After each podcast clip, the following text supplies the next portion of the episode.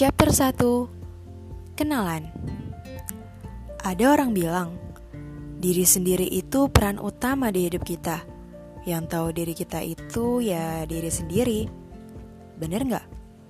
Bener aja sih kata gue mah. Tapi faktanya, kita nggak bisa benar-benar mengenal diri kita tuh. Dan itu yang harus diterima. Seperti ditodong pernyataan yang bukan kamu, mendengar orang lain yang berbicara tentang kamu, menghakimi, sama juga halnya seperti kita kadang mencari jawaban bagaimana pendapat orang lain mengenai diri kita, Bung. Emang gak ada salahnya mengetahui bagaimana opini orang lain tentang karakter kita? Siapa yang bilang salah? Toh, akhirnya kita juga memilih mempercayainya atau enggak kan? Tapi, mengenal diri kita berarti mengetahui sebuah nilai yang enggak bisa digambarkan dengan angka cuy mengenal diri kamu yang bukan dari opini orang lain sama dengan penting banget.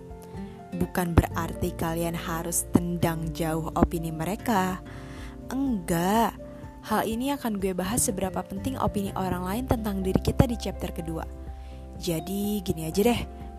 Opini kamu tentang diri kamu sendiri berarti mengetahui seberapa besar kamu menilai diri kamu. Terus ada yang nyeletuk. Eh, tapi gimana kalau ternyata diri gue gak begitu berharga? Misal, guys, itu mah persoalan lain. Nanti dulu bahas itu. Sabar. Sekarang, tahu dulu medan perangnya alias ketahuilah dulu kamu. Kelebihan dan kelemahan, orang yang bagaimana, manusia yang akan dipandang kenapa, dan yang memiliki prinsip seperti apa. Kemudian, yang perlu dilakukan, terima. Terima aja dulu cuy peduli setan berharga atau enggaknya. Jati diri perlu masih dicari dan diperbaiki, Bung. Itu yang membuat manusia bertumbuh dan berproses. Itu yang membuat mengapa kita harus terus belajar sampai mati.